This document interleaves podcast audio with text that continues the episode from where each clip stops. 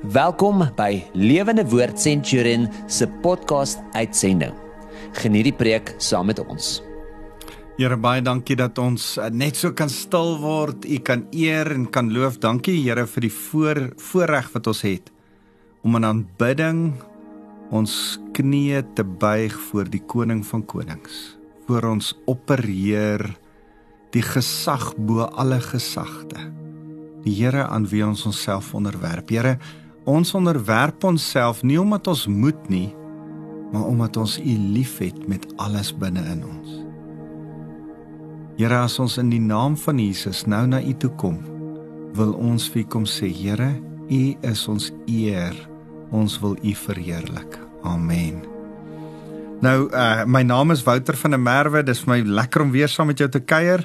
Uh ek is van Lewende Woord Centurion en en en ek wil uh so 'n bietjie saam met jou kom gesels. Uh, eendag kuier ek met 'n ou uh goeie vriend van my en hy hy sê vir my sy gemeente is 'n hospitaal en hy's eintlik daar om siek mense op te rig en gesond te maak. En ek dink en dit het my aan die dink laat sit en ek het gedink, ja, dis waar, ons gemeente is 'n hospitaal, maar ons gemeente is 'n uh, 'n gemeente, uh die plek waar gelowiges geleer word en ek wil sê hierdie radioprogram is baie meer as net 'n hospitaal. Dis verseker vir jou wat stikkend is, hartseer is, siek is, miskien fisies siek is, miskien emosioneel siek is is dit 'n hospitaal en die woord is 'n balsam, is 'n olie, is 'n is 'n geneesmiddel. As ek met jou kom gesels, hoop ek dat die Heilige Gees jou gesond sal maak.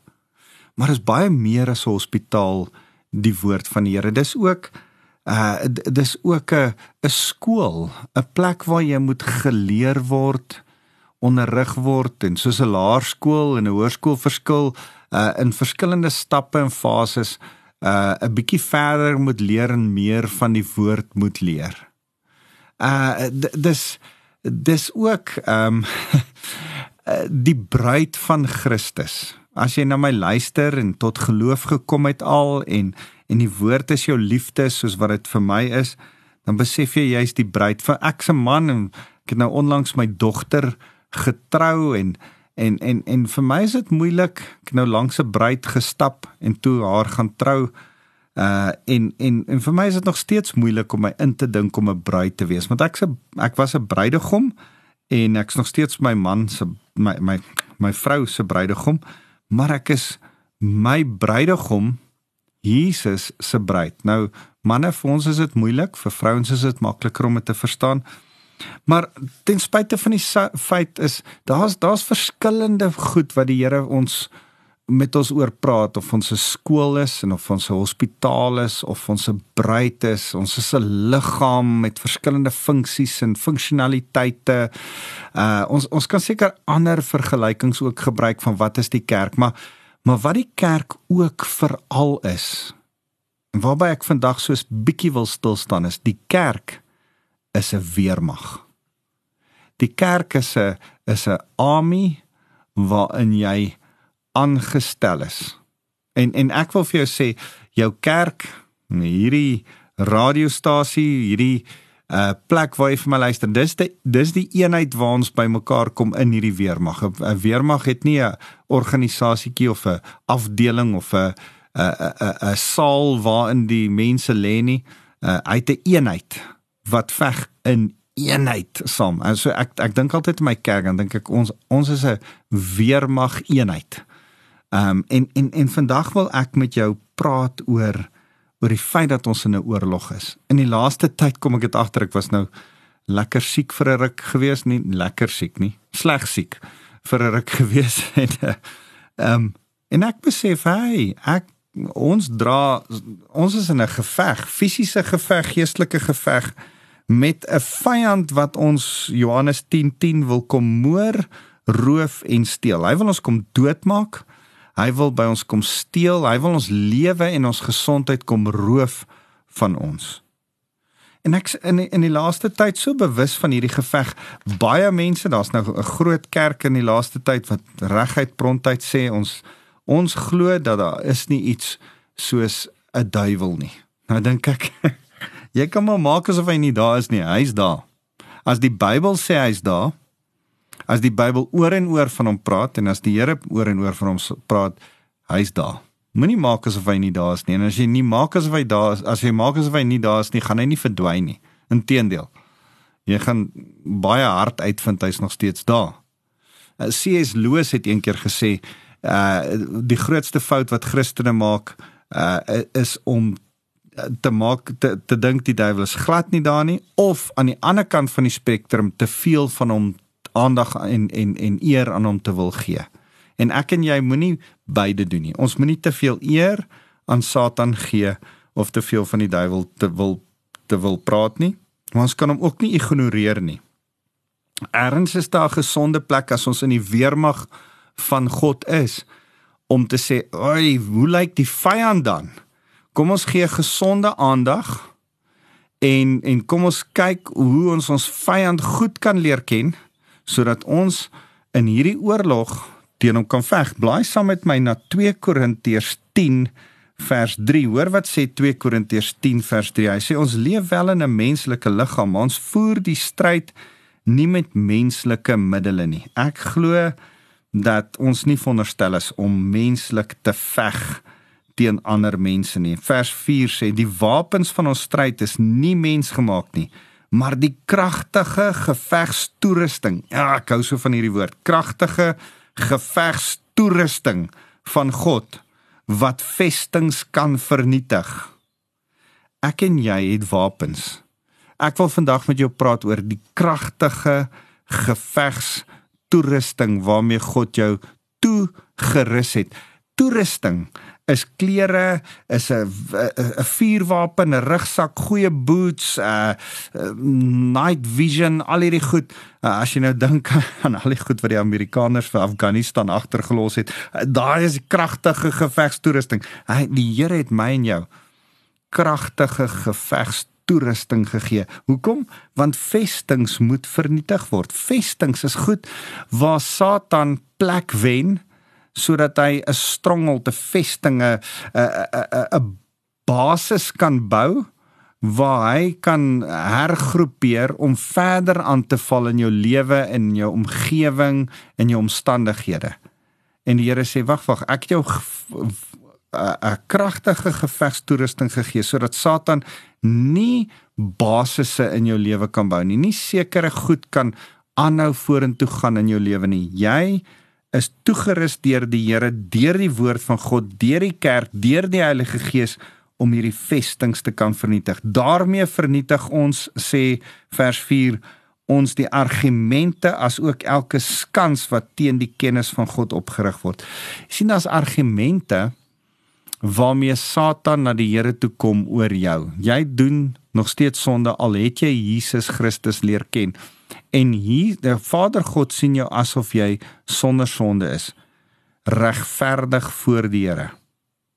Maar Satan weet jy is nie sonder sonde nie, maar op grond van wat jy doen kla jou aan by Vader. En sê, "Ag, oh, hierdie ou doen nog dit en hulle skinder en dit en dat en uh is geldgierig en doen dit en uh, het hierdie begeertes in hulle hart en dit en dat en dan kom kla hulle jou aan. En dan sê Vader God maar hierdie persoon staan in geloof op Jesus Christus en op grond van die genade van Jesus Christus is hierdie persoon gered. Ek en jy is gered op grond van die genade van Jesus en daarom sê Vader ek sien Jesus se onskuld raak en ek sien nie meer hierdie persoon se sonde raak nie. En dan, as Satan ons nie meer aangekla kry by Vader nie, dan kom hy na ons eie gewete toe en sê, "Ah, jy's eintlik niks werd nie. Eintlik kan jy niks doen nie." Dan begin sy argumente, argumente in ons koppe word en kla hy ons aan. En die Here sê, "Ek gee jou kragtige gevegstoerusting om elke argument te vernietig." nie net een kant toe te skuif agter in jou kop te sit sodat dit later weer uitgehaal en afgestof kan word. Nie nee nee. Hy wil dit vernietig uitmekaar haal uh totaal en al opblaas dat dit niks kan beteken nie. Die Here wil die argumente wat Satan teen jou kom hou in jou gewete dat jy eintlik skuldig is en eintlik sleg is en eintlik nie goed genoeg is om die Here te te aanbid nie, kom vernietig. Asook elke skans wat teen die kennis van God opgerig word. Elke ding wat uh, soort van ag oh, ek's nie goed genoeg nie, dan kom daar ander goed van ja, maar omdat ek nie goed genoeg is, dalk is die Here nie so uh goed soos wat wat hy sê hy is nie of da, dan begin daar 'n uh, uh, dwaallering in ons koppe kom. Dis nie die Here se skuld nie. Dis Satan in ons lewe se skuld wat met ons eie sonde en gedagtes mors. En nou sê die Here, ek het jou kragtige gevegstoerustings toerusting gegee om vestings te vernietig, argumente te vernietig, skanse af te breek. Wat se skanse? Skanse wat wat kennis van God eenkant toe skuif. Die kennis van God in jou lewe bring geloof. Jy het dit nodig.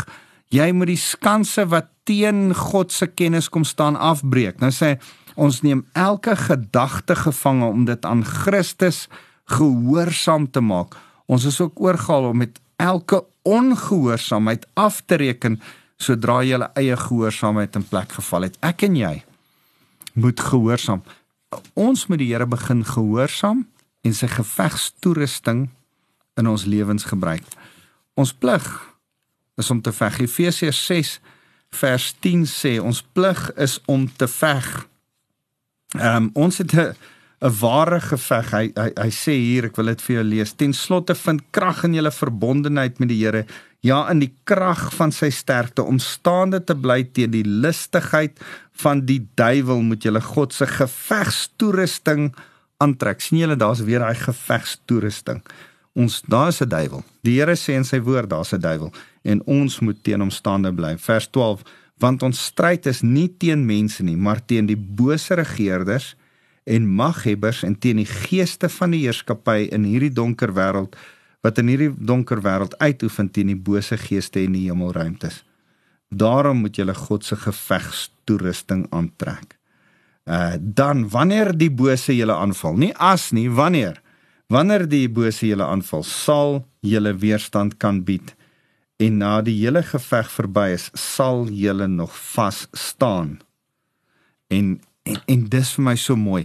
Dis my en jou se plek om te veg. Moenie dink dat as jy 'n Christen is, is dit die pastoor se werk om te veg nie of iemand anders se werk of 'n weer tannie daar agter in die kerk se werk om te veg nie. Nee nee, dis jou werk, dis my werk om te veg.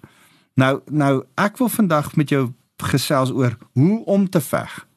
Hoe veg ons dan hierdie geveg? Ah, daar is 'n Satan, Hy is in 'n geveg teen ons. Ons het 'n geveg. Jesus het klaar gewen, maar ons moet nog steeds die geveg veg. Hoe veg ek en jy? Nou ek ek kan baie dinge met jou gesels oor diep geestelike goed, maar ek wil die die drie maklike goedjies, die drie eerste stappe met jou vandag kom bespreek. Dalk later praat ek met jou oor ander stappe, maar net die eerste 3 maklikste stappe om te besef ons is in 'n geestelike geveg en ek kan terugslaan teen Satan op hierdie manier lei mense na Jesus Christus toe. Want elke persoon behoort of aan God of aan Satan. As jy nog nie 'n keuse vir Jesus Christus gemaak het nie, behoort jy eintlik aan die duiwel. En daarom is my en jou se werk 2 Korintiërs 5 vers 18 om mense te versoen met Christus. En daarom moet ek en jy mense uit die koninkryk van duisternis uitgaan haal en hulle inbring in die koninkryk van lig. En en en ek wil jou aanbeveel leer hoe om iemand na Jesus toe te lei. En kan ek jou vinnig gou leer hoe maklik dit is? As iemand sukkel en jy kom agter hulle ken nog nie Jesus Christus nie, dan moet jy hulle bring by 'n plek van sonde besef. Miskien kom hulle na jou toe sê, "Ag, oh, ek is so vol sonde." Dan sê, "Great dat jy dit besef." sê vir die Here: "1. Bely jou sonde en sê jammer vir jou sonde." Dis die eerste ding. Bely bely sonde. Dit maar maar voor jy sonde bely moet jy dit darm eers weet jy het sonde, nê. Nee, ek het al een keer iemand probeer na die Here toe lei en hulle het gedink hulle is perfek. Dan kry jy dit nie reg. Was 'n klein dogtertjie van 5, sy het gedink sy's nog nooit stout in haar hele lewe gewees nie. Dan help dit nie om iemand as jy as as as daar nie sonde is nie, kan jy hulle nie na die Here toe lei nie. So bely sonde saam met daai persoon. erken die verlossing van Jesus oor sonde. Dis die tweede ding. Sê vir iemand, goed, nadat jy besef het jy het sonde en jy sê, "Here, ek is jammer." Kom by 'n punt waar jy sê, "Jesus, sal U my sonde op U neem?" Hy hy moet daai prentjie raak sien van Jesus wat sy sonde vat en die offer word vir sy sonde, dood gegaan het vir hom. Dis die tweede ding. Die derde ding is volg die koning. Volg nou Jesus. Sê ek gaan hierdie pad saam met die Here begin stap. So 1 bely sonde. 2 ek sê Here, vat dit asseblief op U. 3 nou gaan ek U volg in gehoorsaamheid. So maklik soos dit. Kan jy vir iemand dit doen? Bely, erken, volg. Bely, bely sonde, erken Jesus is die een wat jou sonde vat. Volg Jesus. Sal jy hierdie 3 goed onthou? Bely, erken, volg. En so maklik werk dit vir jouself uit. Kan jy iemand na Jesus Christus toe lei en vir hom sê, "Hey, kom." En dan moet jy saam met hom so 'n bietjie 'n pad stap en hom leer wat dit is om Jesus te volg. Daai laaste gedeelte. So die beste manier van geestelike oorlogvoering, gevegstoerusting wat die Here jou gee, is jou liefde vir Jesus moet jy met ander deel. Sodat hulle ook 'n liefde vir Jesus kan hê en hom volg dan bring jy hulle uit duisternis in lig en dan wen ons grondgebied.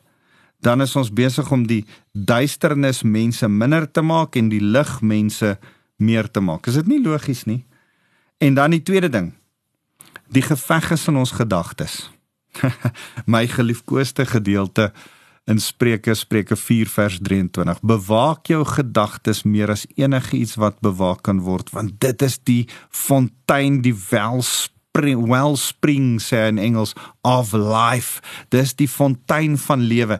Man uit my lewe uit kom lewe. Ek wil ander mense aansteek met entoesiasme en lewe en opgewondenheid. Ek moet ander mense aansteek met die ewige lewe van Jesus se verlossing. Ek moet lewe uit my lewe uitgee. Hoe kan ek dit doen?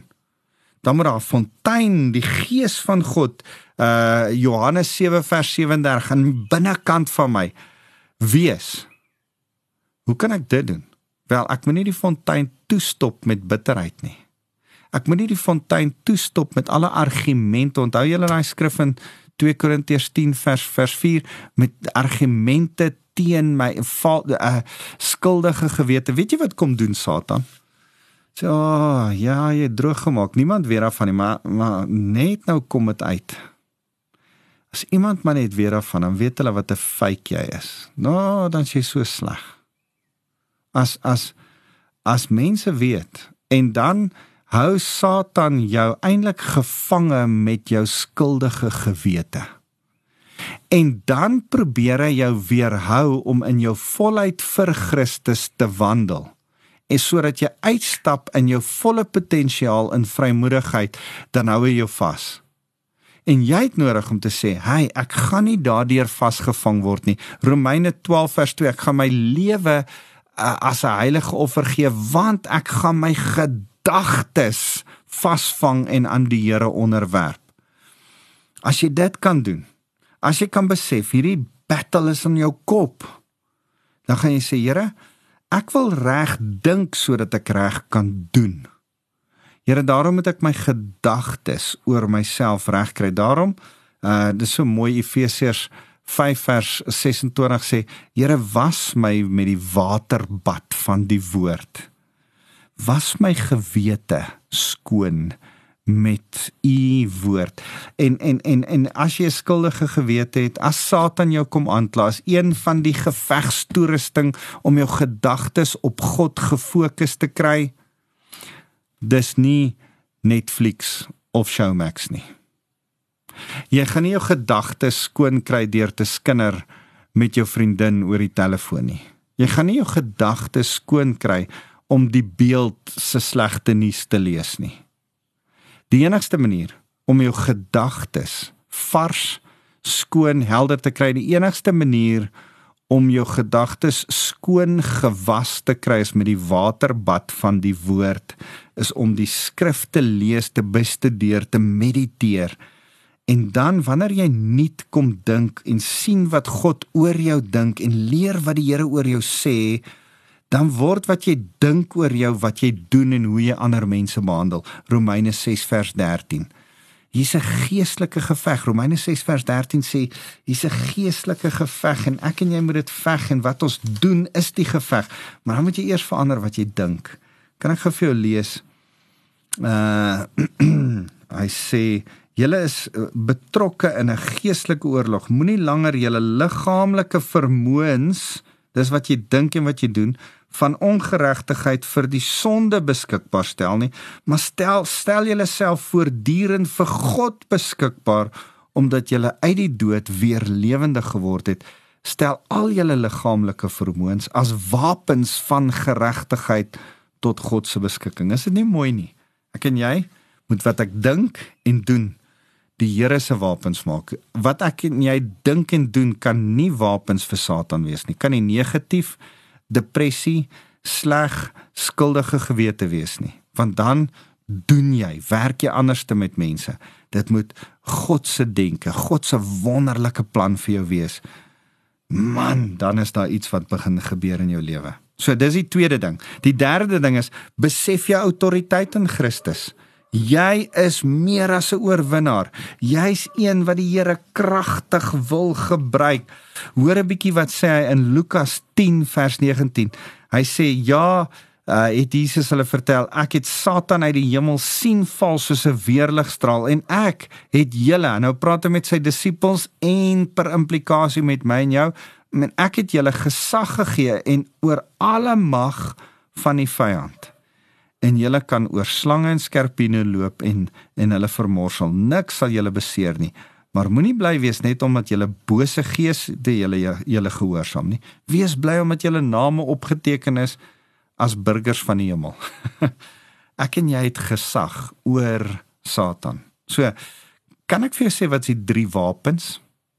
1 Besef jy kan mense se ewige lewe verander. Jy kan hulle skuif van die feit dat hulle eendag gaan doodgaan en vir ewig gaan dood wees of hulle kan in Jesus begin glo en eendag doodgaan maar reeds ewig leef soos wat hulle nou vir hom leef. Tweede wapen is jou gedagtes is vir hom nie teen hom nie. Die derde ding is jou autoriteit is sy autoriteit. Hy het vir jou alle mag selfs oor Satan. Satan maak nie saak hoe kragtig en hoe groot die demoniese magte en Satan se werk is nie. Jy, jy as 'n Christen, het in Christus alle mag gekry. Dit dis so mooi na die kruisiging is daar 'n ding dat Jesus in die doderyk ingaan, die dood oorwin en dan kom staan hy in in Matteus 28 vers 19 dan sê hy ek het nou alle mag en heerskappy weer gaan terughaal by Satan. Ek het dit weer die bietjie wat ek vir Adam gegee het om oor die aarde te heers, het hy vir Satan gegee. Hy het dit geabdikeer met sonde.